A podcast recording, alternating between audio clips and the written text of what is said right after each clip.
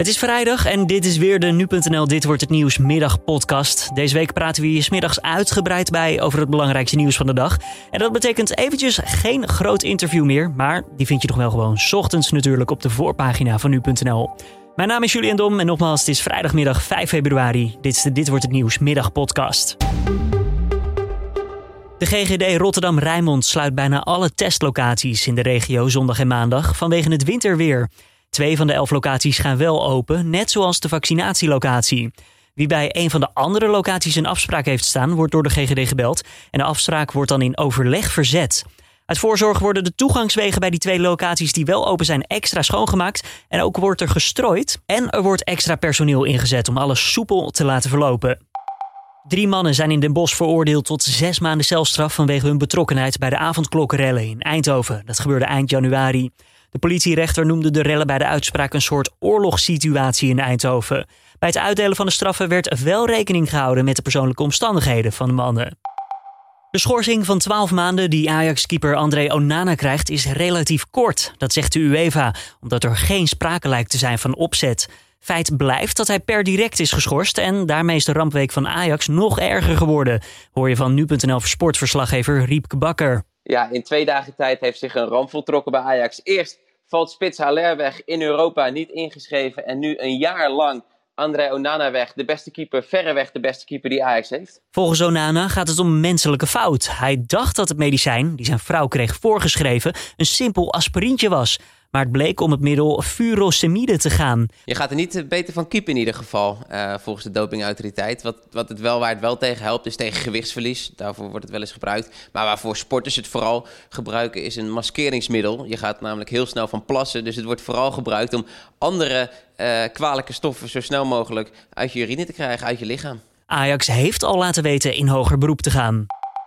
Albert Heijn zal zaterdag de winkels meer bevoorraden vanwege het winterse weer. Ook voor het bezorgen van de online boodschappen worden maatregelen genomen. Zo kunnen er snel meer mensen ingezet worden als dat nodig is. Verder hebben bezorgauto's sowieso een sneeuwschep mee. En dat is volgens de supermarkt standaard uitrusting tussen december en maart.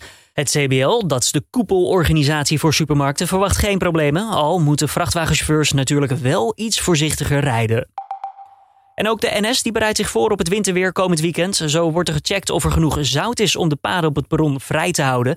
En is er een speciaal anti-icing systeem voor treinen, vertelt een woordvoerder bij Radio 1. Die, uh, die kijken we natuurlijk na of dat allemaal uh, goed is.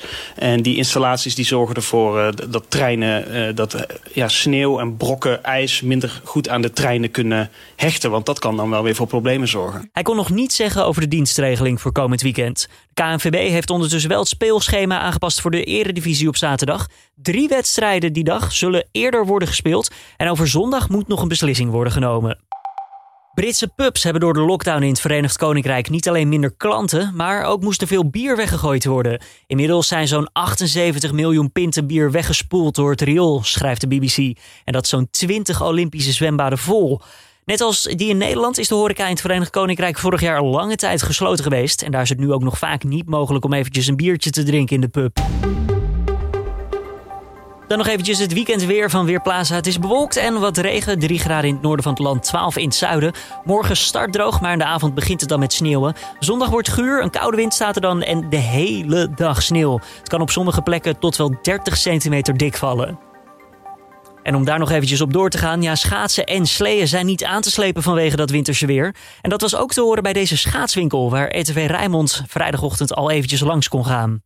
Het begon eigenlijk woensdagavond. Dat ze s'avonds zeiden om 8 uur het journaal van het gaat sneeuwen. Toen begonnen we eerst met onze sleeën. En toen zeiden ze eigenlijk donderdagochtend uh, schaats uit het vet. Ja, en sindsdien is het gewoon uh, gaan met die banaan. En het gaat niet alleen snel met de nieuwe spullen. Ook de schaatsen die op zolder liggen worden massaal naar de slijperij gebracht. Nee, ja, dat ga je krijgen. Je krijgt nu uh, dadelijk allemaal schaatsen met uh, muizen erin en kranten erin. En dat komt natuurlijk allemaal weer van tien jaar uh, komt het weer naar beneden zetten. Ja, muizen dood, hè. liggen er wel eens in hoor. Ja? Tien jaar geleden af het ook. Ja, dan zagen ze er af en toe niet uit te schaatsen. Als ze maar even op het ijs konden. Al dus het bezoekje van RTV Rijnmond aan de schaatswinkel in Rotterdam. Dit was dan weer de Dit Wordt Het Nieuws middagpodcast van deze vrijdag 5 februari. Tips of feedback zijn zoals altijd welkom. Laat het weten via podcast.nu.nl.